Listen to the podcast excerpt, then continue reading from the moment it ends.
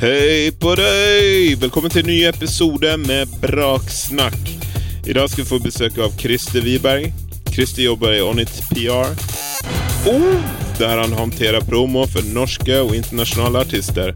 Vi kommer snakke om markedsføring, presseskriv, promobilder, og vil bruke Europe som et eksempel på en god rekkefølge for å slippe singler. Mitt navn er Christian Stockhaus. Velkommen til Braksnakk. Velkommen skal du være, Christer Wiberg, til Braksnakk. Tusen takk, og veldig hyggelig å bli invitert. Ja, eh, du jobber med PR, Ja, og det er dagens tema. Eh, public relations, er det det står for? ja det er jo det det står for. Ja. Veldig flaks at det var det vi skulle snakke om. nå, ja. At, det ikke jeg føler jeg kan mest om det. at det ikke var noe annet PR. Police regulations. Ja, der eh, kanskje sterk der òg, men eh, public relations, der eh, jeg føler det er feltet mitt. Ja, så bra. Du, eh, fortell litt om deg selv, da. Ja, Christer er 43 år. Det er andre intervjuet jeg har gjort. Det er noe å sin. Det er dritbra. Og så er det sånn liker jeg turer i skog og mark etc. Ja, men det liker jeg ikke. Jeg, jeg bor jo til sånn at jeg burde likt det, men det liker jeg ikke. Du er en havmann. En havmann og en eh, egentlig en sånn konsert- og kontortype. Jeg liker okay. tastatur og sånn. Litt som blanding av eh, Aquaman og Madman. Ja, med, jeg er kanskje nærmere Madman, men eh, Ja. jeg, jeg liker å være oppi båter. Ikke, ja, jeg bader faktisk hver dag. Da, Ja. Eh, men så jobber jo jeg òg med musikk, da. Ja. Når jeg ikke bader eller uh, bare sitter. ja. Eh, driver et label som heter Raindrops, og så driver jeg PR-byrået Onit. Yes. Som eh, sikkert er det vi kanskje snakker mest om i dag. ja. Hvordan endte du opp å jobbe med PR? Uh, ja, den reisen har jo vært litt sånn litt tilfeldig og litt lang, da. Men eh, eh, jeg vokste jo Nå er vi der. Vokste opp i musikalsk hjem. Ja. Det er sånn Jeg, jeg tenker eh, Hvis man har barn, så bør man ta bilder av dem med eh, ski. Man må ta bilder med gitar, piano, tromme, alt bare.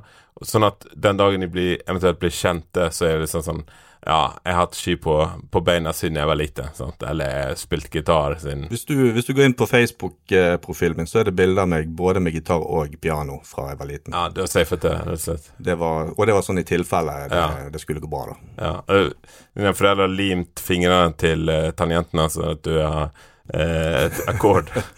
Jeg tror på det pianobildet så tror jeg faktisk Hvis jeg husker riktig, så sitter jeg på fanget til min far, Ja. og så liksom trykker han fingeren min ned på en Ja. tangent. ja. Men gitarbildet, da holder jeg gitaren sjøl og ser ut som en klassisk gitarist i en Ja. alder av tre år. Den er ikke opp ned eller bak frem eller noe. Nei, og det er veldig sånn riktig stance. Ja, litt sånn flamenco-style. Så veldig naturlig ut. Ja, det er bra. Og, men fra der, da. så jeg spilte jo i diverse band og sånn opp igjennom, og holdt på mye med ja, metall, svartmetall og sånn. Ja, okkulte greier. Ja, og jeg ville egentlig Jeg vet ikke. Jeg, på et eller annet tidspunkt så, så ville jeg at alt skulle bare være svart og hardt og depressivt. Ja. Eh, Men så hadde jeg en streit jobb ved siden av, så jeg jobbet jo mange år i bank og finans, og jobbet i DNB helt til utgangen av 2015, før jeg tenkte at fuck it, nå eh, pusher du 40, så hvis du skal jobbe med musikk, så må du gjøre det nå. ja. Det er jo litt to sider av samme sak, eh, finans og black metal. Det er akkurat eh, det samme. Det er Ja. okkulte greier. eh. Ja, det er okkulte. okkult. Du leker med mørke makter, for å si det sånn. Ja, det var Altså, jeg, jeg hadde blitt litt lysere da. Jeg, jeg fikk på en måte Jeg fikk sparken i mitt siste black metal-band i 2012, tror jeg Ja. Og etter det så ble jo jeg musikkjournalist, som jeg holdt på med ved siden av jobb i DNB.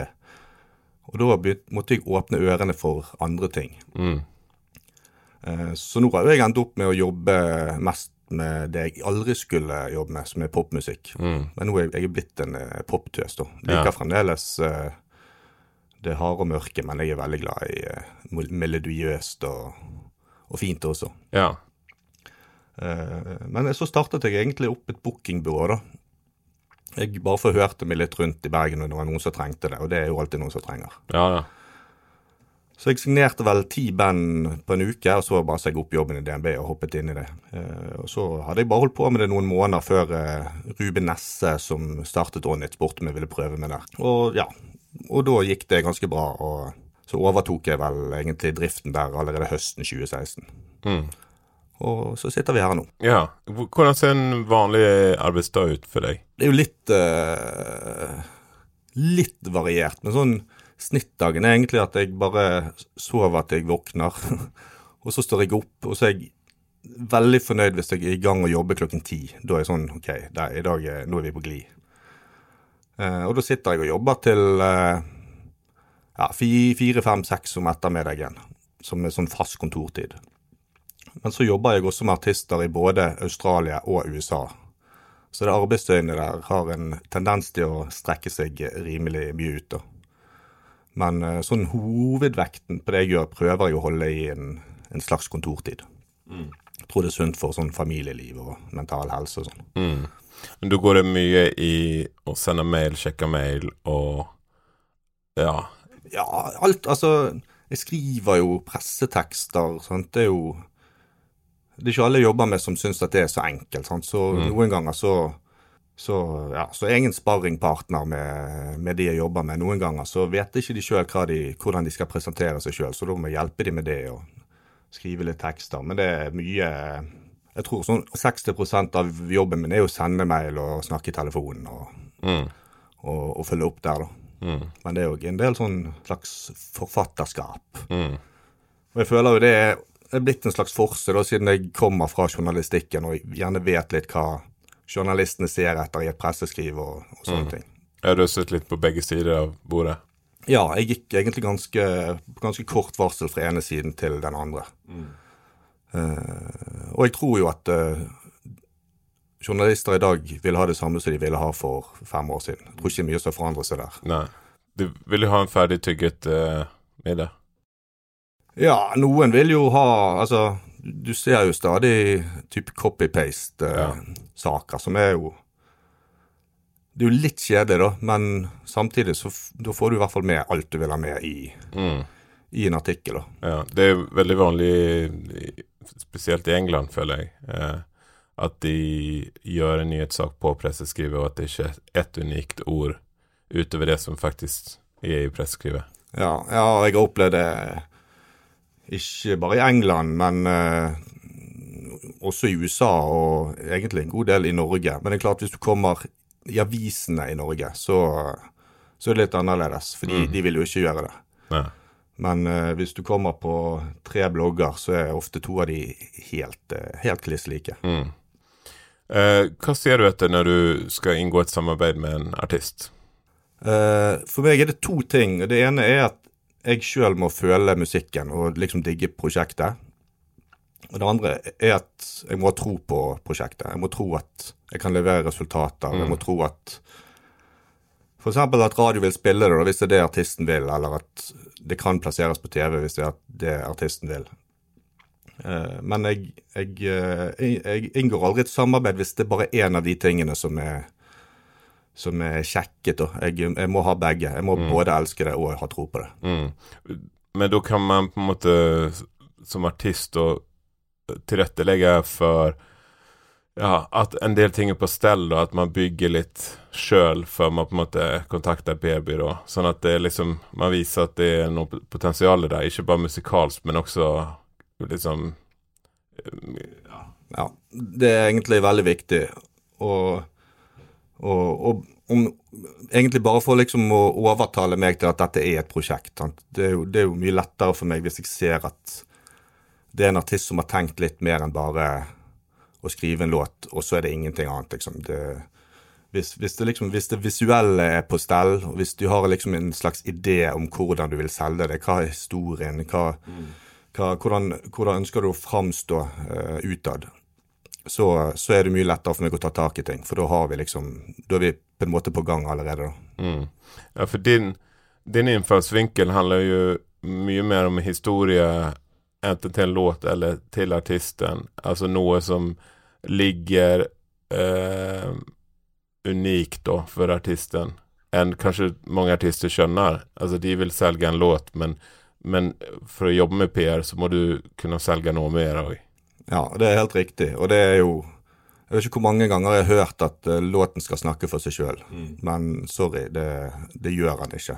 Fordi at Eh, låten kan gjerne snakke for seg sjøl, men for at noen skal høre den låten, så må du ha noe mer. For det, ellers er det ingen som hører den låten din.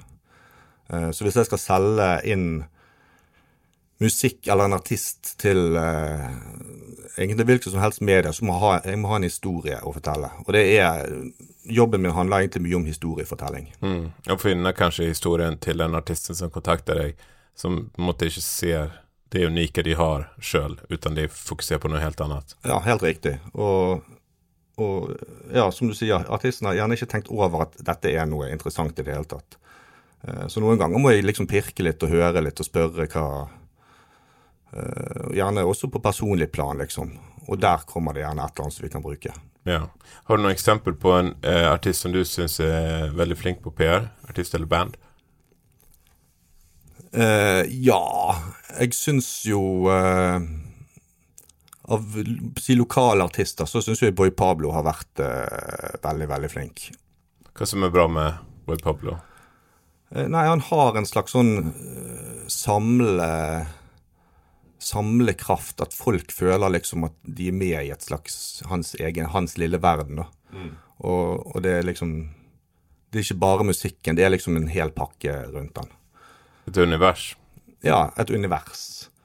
Eh, så jeg har jobbet med mange Jeg jobber mye med internasjonale artister, og der det, virker det ofte så det er liksom mer fokus på det. Ikke alltid, men, men noen er liksom ekstremt gode på innhold. På YouTube-videoer og, og sosiale medieting, men andre ting òg. At de er liksom veldig, veldig kreative. Og det er litt sånn Jo mer du kan by på deg sjøl, jo bedre er det. Men du må, liksom, du må holde det på riktig side, da. Det må ikke bli teit eller for mye. Ja. Fokuset må være på noe som ligner på det som du vil selge på. Ja. Uh, og et tips jeg ofte gir til artister, er jo òg å liksom hvilke artister digger du sjøl? Mm. Hvordan vil du, vil du, ligne på de eller de? Sjekk ut hva de gjør, da. Og så ikke kopier det, men liksom dra inspirasjon der. Og, mm. Så er det noen som prøver å liksom Det blir til sånn emulering av og til, men, uh, men der òg kan jeg holde litt igjen og si at OK, dette funker ikke. Mm. Ja, finne seg sjøl er jo et uh, nøkkelord på, på mange ting. Om det så er i forhold til PR eller i forhold til et visuelt uttrykk eller hva som helst? Ja, det er Jeg vet ikke om jeg skal si det er det viktigste, men det er veldig, veldig viktig å ha mm. liksom en klar en klar profil. Mm. Hvordan tenker du Det her blir et litt stort spørsmål, men hvordan legger man opp en vellykket PR-kampanje? Om du skal ta det i korte trekk? Ja, det er et veldig stort spørsmål, for det, det, det varierer jo veldig mye. Men det jeg vil si, at, er at vær tidlig ute. Liksom ha, ha, alle assets klar lenge, lenge før du begynner å slippe det. Legg en skikkelig plan for når hva skal skje. Ikke bare liksom singel nummer én den datoen og nummer to den datoen, men liksom lag en skikkelig plan for når skal du poste på Instagram, hva skal du poste. Uh, og, og, det gir også eh, folk som meg eh, muligheten til å liksom være tidlig på radioen. Sant? Begynne liksom å, å tease en låt allerede en måned og mer før han skal slippes. For da vil jo jeg ha mye lang tid å følge opp på. Så første gang eh, de som tar, mottar låten, hører han, så er det liksom bare en slags teaser. Det er ikke meningen de skal gjøre noe, men da får de han litt under huden. Eh, og etter hvert så telefonen. Det er Louth, England, som ringer. Altså, det kommer så Det kommer så mange telefoner fra England. Eh, jeg går for fra, mye fra England. Fra forskjellige plasser jeg aldri har hørt om. Jeg, eh, jeg går inn i sånne. Men det siste du satt med før vi begynte, var at du må slå av telefonen. Ja, jeg vet det, men det gjelder bare gjestene. ja, ok. Kan var noe viktigste ringer. Eh, nei, men så egentlig, det du sier da, er i en ideell verden så bør man ha alt ferdig før man ens begynner å sette datoer. Ja, det, det, er det beste. Og noen ganger er jo ikke det mulig, eller ofte er jo artisten eh, Vil jo helst slippe ting den dagen er ferdig. Men det er Og noen gjør det òg. Og noen veldig, veldig få eh, treffer med det. Men det er det er ikke noe jeg vil anbefale. Jeg vil anbefale å være ute i god, god tid. Jeg har, liksom, jeg har jobbet med album som har vært klare 14-15 måneder før slipp. Og da har liksom alt, til og med fysisk, har vært klart. Alt har vært klart. Uh, og det er mye lettere å oppnå resultater hvis man er tidlig på den. Mm. Hvis man jobber liksom strukturert, da. Mm. Hva kan man som artist gjøre sjøl i en sånn PR-øyemed? Det, det, kommer litt an på artisten. Hvis, hvis, man har et navn fra før, så er det jo lettere å nå ut. Uh, men hvis det ikke, så er det, det Det kan være vanskelig å nå gjennom sånn i hvert fall presse og, og radio de tingene der, hvis ikke du har det, Denne bransjen handler mye om kontakter, da. Men det man alltid kan gjøre, er å være igjen sosiale medier. Det høres jo veldig sånn for enkelt ut, men det er, det er liksom ikke kødd engang. Bare vær synlig og vær på. Prøv å tenke eh, litt kreativt. Ikke, ikke, bare gjør det som alle andre gjør. Prøv å gjøre noe annet. Eh, sånn, noen live sessions. Det er jo ikke noe krutt som er funnet opp på nytt, det heller. Men det er sånn som folk syns er kult. Det er sånn som folk gidder. Ikke sånn en times konserter, men en låt eller to. og og, ja, og, gjerne gjøre ting som ikke er sånn dønn musikkrelatert, men som er underholdende for folk. da. Ja, Da kommer du tilbake igjen til å, å, å, se hvem man er, Ja. på en måte. Og hva assets man har naturlig, på en måte. Og om man er morsom, så kan man bruke humor, og hvis man bor på en spesiell plass, så kan man bruke den, eller man, man, kan bruke det man har på en måte tilgjengelig. Ja, og så må man, man må bare være bevisst på det. Uh, og jeg tror jo uansett uh, hvor lenge jeg snakker om PR, så kommer jeg veldig ofte tilbake igjen til og identitet. da. Finne ut hvem du er, hvordan du vil fremstå. Det går an å ha liksom at du er én privatperson og én artist, men liksom, du må gjøre, gjøre det helhjertet. Mm. Hva bør man overlate til profesjonelle, syns du? Foruten dynamitt og den type ting. Krutt og dynamitt? Ja det, det, kommer litt an på hva profesjonelle er. Men hvis du, hvis du spiller inn musikk og ikke er god til å produsere, så finn en produsent som er dyktig til jobben sin. Uh, få låten skikkelig mikset og få en mastret så det høres liksom fett ut. Uh, og så vil jeg, jeg vil alltid bruke liksom, Kjenner du folk profesjonelle i bransjen, prøv å spare litt med de og hør. Spør etter tips og jeg, eh, jeg gjør det ofte. Jeg, jeg, deler jo ikke alle hemmeligheter, men jeg kom, peker gjerne folk i riktig retning og, og, og, kommer med hint om hva som kanskje kan være lurt å gjøre. Mm. Eh, hvis du tenker at du skal gi ut et album Vi, vi starter 1.1.2022 med to singler. Hva ville en bra tidslinje vært for deg da? Nei, To singler hvis du eh, Da er det jo mulig å få ut den platen før sommeren. Uh, da ville jeg satt liksom kanskje albumslipp i mai, og så gjerne en singel i februar og en i type april. Okay. Bare for å liksom holde uh, Først ville gi oss liksom uh, halvannen eller to måneder å, å jobbe med første singel på, og liksom finne ut ok, hvordan, hvordan skal vi gripe fatt denne våren her. Hvis vi treffer med singel nummer én, så får den liksom et par måneder på seg før vi kommer til neste singel. Eh, og da og, og vil det være liksom eh, et par måneder før eh, det kommer et album. Siden tiden der bør brukes òg til å lage ekstramateriale, som små videosnutter eller live sessions, ting som jeg nevnte i sted. Kanskje få en annen arkitist til å covre låten din. Når eh, første singel blir sluppet, så er det vel en slags indikator på hvordan eh, prosjektet blir tatt imot? Ja, det, det gjelder jo å finne liksom For det første må jo det være en en sin standalone-låt som kan stå på egne bein, og som er interessant for eh, radio og ja, folk, da. Jeg, er, jeg, jeg, jobber mye mot radio, så jeg er veldig fokusert på radio. Eh, og, og spillelister, selvfølgelig, på, på Spotify. Men, eh, men, det må også være en låt som, som er representativ for albumet. da. At, mm. at folk får en, som du sier, en indikasjon på hva er dette for noe. Hvis du har én låt som skiller seg veldig ut, så er det kanskje ikke det som skal være singel nummer én. Nei. Slipper man den beste låten først, eller slipper man den nest beste først? Ja, Det kommer jo an på hvor uh, god den uh, god eller dårlig den første eller andre singel er.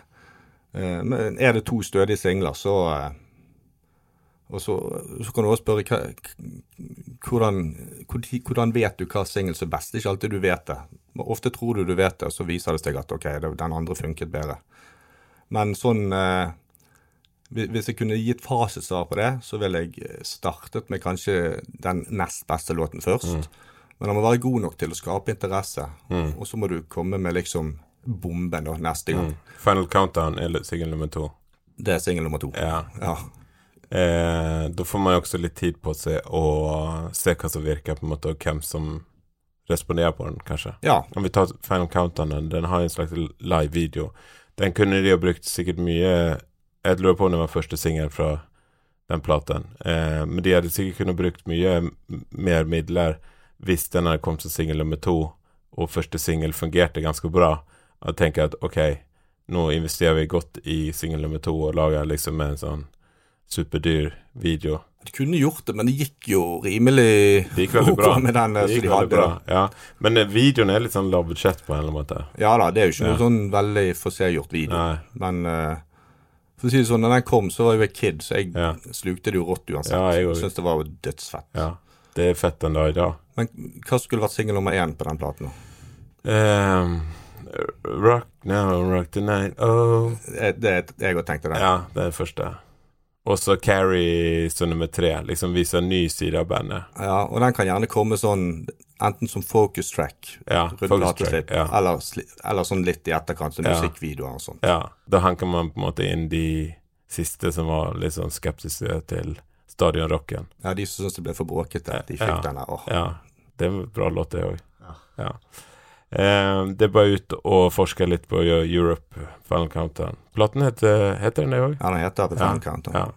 De har i hvert fall brukt mye penger på coveret. Men veldig stilig, liksom malt eh, Ja, er, altså det, det er jo et album som liksom man ler av i dag. Men Ja. hvis du hører på den platen her, Ja, det, det er en jævlig god plate. Ja, altså. det er dritbra. Fantastisk. Ok.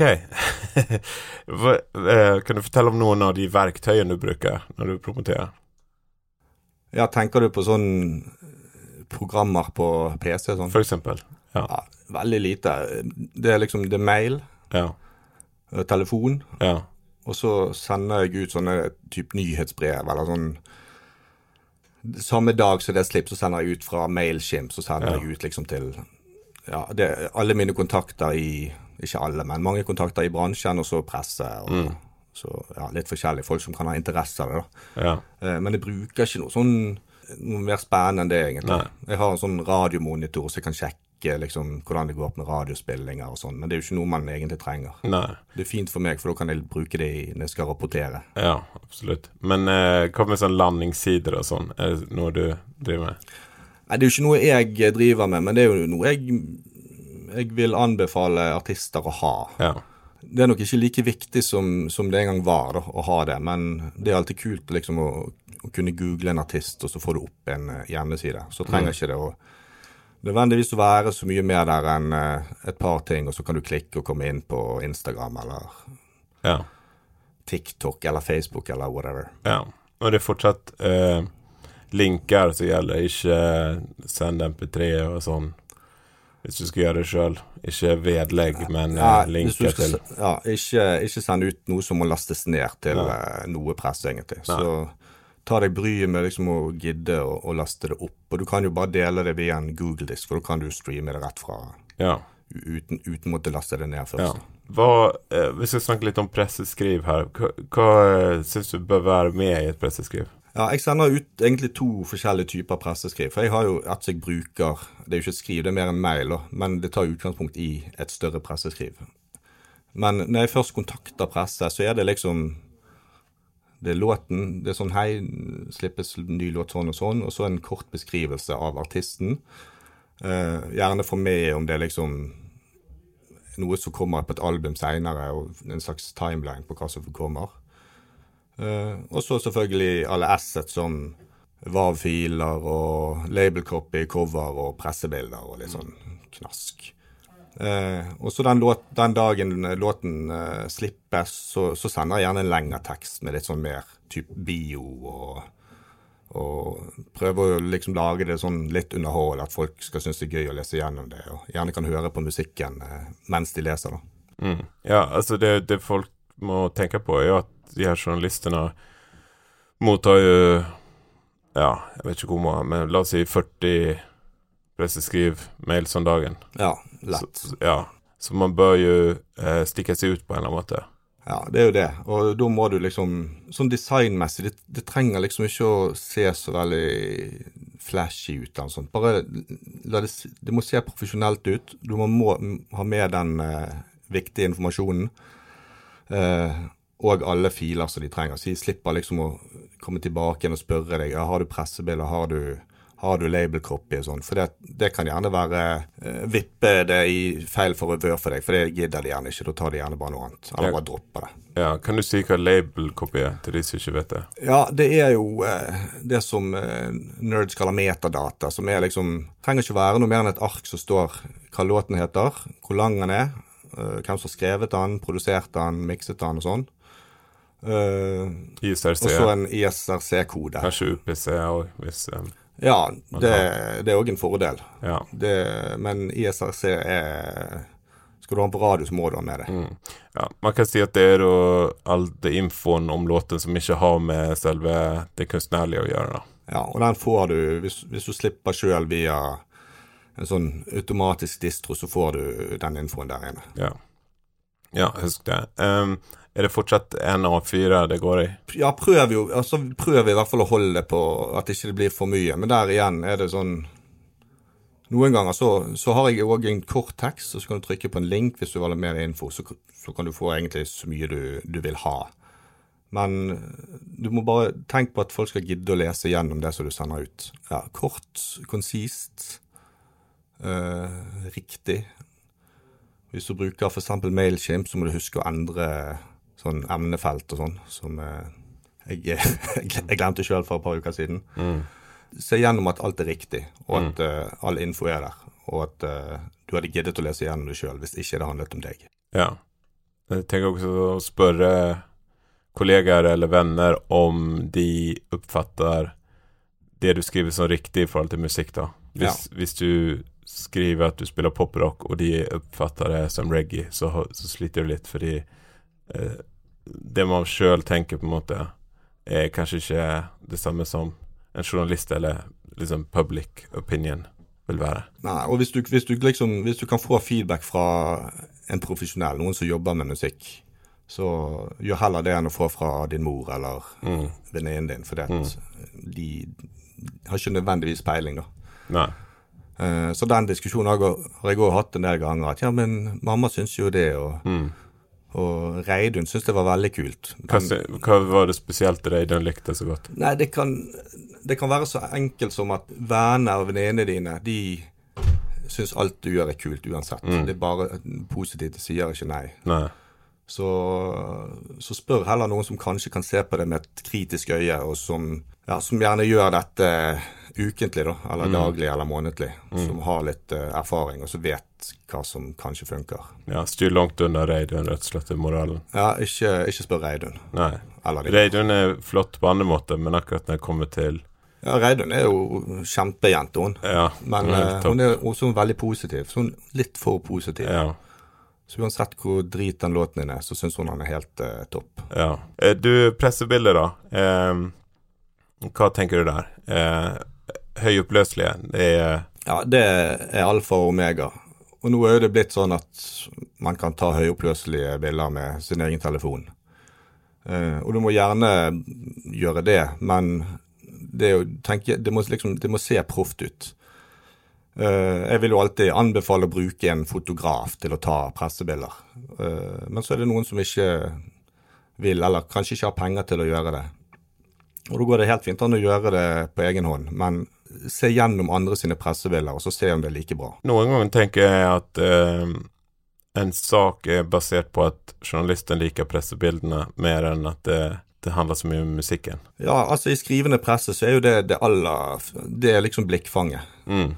Og, og, de vil jo òg tenke at hvis vi skal publisere dette, så må det se fett ut på våre sider eller i vår avis. Mm. Og da er det bildet der er viktigere enn mange tror. Mm. Altså kanskje finne Lage moodboard, finne på en måte eh, farger og uttrykk og stemninger som passer til din musikk, og så kanskje ha en slags eh, eh, for, foregangsbilde, da, eller eh, altså noen som du syns leverer bra. Ja. pressebilder. Og så liksom, som igjen, la seg inspirere, ikke legge seg helt inntil, men eh, Ja, og der òg har du det der sant? Hva er Hvem er artisten, liksom? Hva, Ja. hva er det du vil vise frem? Og få det med på bildene. Og gjerne ikke bare ett pressebilde. Gjerne send tre-fire, sånn at journalisten har noe å velge mellom. mm. Og hvis ikke du har mer enn tre-fire bra, så kan du gjerne tenke på, hvis du skal ha flere releaser, om du skal holde igjen ett til plateslippet, f.eks. Mm. Hva tenker du om eh, betalt markedsføring, eh, f.eks. på Facebook eller eh, Instagram? Hadde du spurt meg for noen år siden, så hadde jeg sagt at det er bare tull, det må ikke du finne på. Men det trenger ikke bare å være tull. Det er jo det er jo litt som, tenk, tenk gjennom hva det er du vil markedsføre eh, i sosiale medier. Men eh, gjør det på riktig måte, så Altså, du vil jo nå flere, da. Men da vil det også være viktigere at det som markedsføres, er kult, liksom. At det er bra innhold. Hvordan eh, er den største forskjellen, tenker du, på eh, PR for etablerte artister og for nybegynnere? Eh, hvis du ja, Fra mitt ståsted, da, så er det jo Innfallsvinkel blir litt, eh, litt forskjellig, selv om det fremdeles er musikken som skal selges. Men det er klart at når jeg jobber med etablerte artister, så har jeg på en måte Der er en, allerede en plattform, da. Eh, så det er jo lettere, liksom Veien til kule mediene er jo mye kortere enn hvis dette er en debutsingel fra en eller annen artist. Når det er nye act, så må jeg da er jeg gjerne med liksom å bygge opp et slags image eller en, en slags pakke helt fra begynnelsen av. Så må man liksom Da må man tenke litt mer langsiktig. Det, det kan, Første singel kan bli en kjempesuksess, men mest sannsynlig så må du jobbe noen år før liksom Ja, det skjer veldig mye, da. Ta Bjørn Eidsvåg som eksempel, da. Så hvis han da hadde begynt med drum and bass, f.eks., så hadde man på en måte tatt eh, det man visste om Bjørn Eidsvåg, og så hadde man tatt den nye sjangeren som han leflet med, drum and bass, og det hadde vært saken. Og da har jo folk allerede en eh, bevis bevissthet og kjennskap til artisten, mens en artist som bare eh, lager drum and bass, så er det på en måte ikke noe der. Ja, eneste er Hvis Bjørn Eidsvåg eh, Hvis jeg hadde fått henvendelse fra Bjørn Eidsvåg at han har laget en drum and bass-plate, så mulig jeg hadde takket nei. Jeg hadde vært litt skeptisk. Men utvilsomt er det mange som ville hørt det, fordi at det er bare for sykt. Jeg hadde hørt på den platen sjøl. Ja, jeg, òg. jeg har i hvert fall hørt 20 første sekundene på låt én. Har ikke vært en fantastisk eh, liksom unik anledning til å gjøre noe helt nytt og Det ville jo vært å gjøre noe helt nytt, men der eh, Før jeg svarer, så vil jeg først høre musikken. Det sier jeg jo til alle. Ja. Hvis det er plutselig dritbra, så er jo, da er det umulig. Men jeg er veldig, sånn, i utgangspunktet veldig usikker på om den eh, drum and bass-skiven til Bjørn Eidsvåg er dritbra. ja, jeg føler jeg er litt skeptisk, jeg òg. Og hvis ikke det er dritbra, så er det, da vil ikke jeg jobbe med det. Nei. Men det er jo andre der ute som helt sikkert uh, tar det prosjektet. Ja, så det er ikke nok å på en måte ha en, en sterk pitch, da. Uh, ja, det, det, det kan være nok, men det er ikke alltid det er nok til meg. Jeg er Nei. blitt uh, litt mer kresen med, med årene. Eh, ja, men da eh, av, avventer vi litt med den drum bass-platen, så får vi se. Jeg må bare la meg høre den først. Ja, så. jeg har lyst til å høre den òg, så hvis det er noen som har lyst til å lage den, så kan du vurdere den i hvert fall til å jobbe med den. Nest siste spørsmål her nå. Eh, hvordan gjør man seg sjøl spennende og attraktiv hvis man lever et helt ordinært liv? Ehm, altså du kan jo Du må ikke, ikke late som du er kulere enn du er. Jeg føler sjøl at jeg lever et ganske ordinært liv. Og nå sier jeg ikke at jeg er så jævlig spennende, men jeg prøver i hvert fall å se spennende ut. Så det er liksom bare å er tenke igjennom Nå er vi tilbake til identitet igjen, sant. Jeg, Mm. Når jeg er hjemme, så er jeg sånn joggebukseslask som går rundt med strikkesokker og flekkete T-skjorte.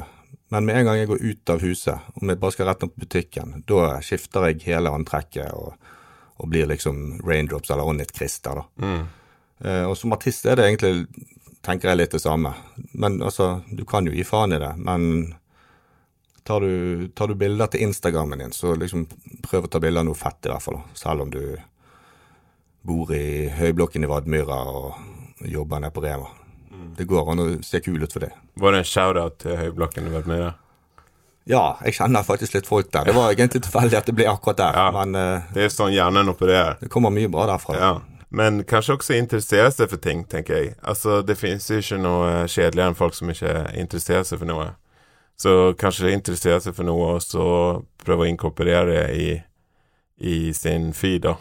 Går du en tur ute eller har en, liksom, en litt fet hobby, så bruk det til noe, da. Mm. Eh, siste spørsmål her nå. Uh, kan du si noe filosofisk om PR? Ja, nå er jo uh, det, det, er det desidert vanskeligste spørsmålet jeg har fått noensinne. Men Nei, jeg er ikke noen filosof, altså. Jeg er veldig sånn eh, Live as you go. Jeg våkner opp og bare gjør ting. Det kunne jo vært noe filosofisk, men nå handler ikke det om PR. Men hvis jeg begynner eh, setningen med eh, å drive med PR er som å Som å selge andres sjel til djevel. Det var det. Christer, tusen takk for at du kom. Tusen takk for at eh, jeg fikk komme. Ha det på badet. Ha det! Yes, en classy avslutning på den samtalen. Takk til Christer. Eh, takk for at du hører på. Følg oss gjerne på Instagram, at brak-musikk, og på Facebook, eller Meta, eller hva det nå heter. Og abonner gjerne på denne podkasten. Ellers så finner dere, dere dere oss på brak.no. Vi er tilbake med en ny episode veldig snart. Tusen takk for denne gang. Mitt navn er Christian Stockhaus, og dette er Braksnakk. Snakk, snakk.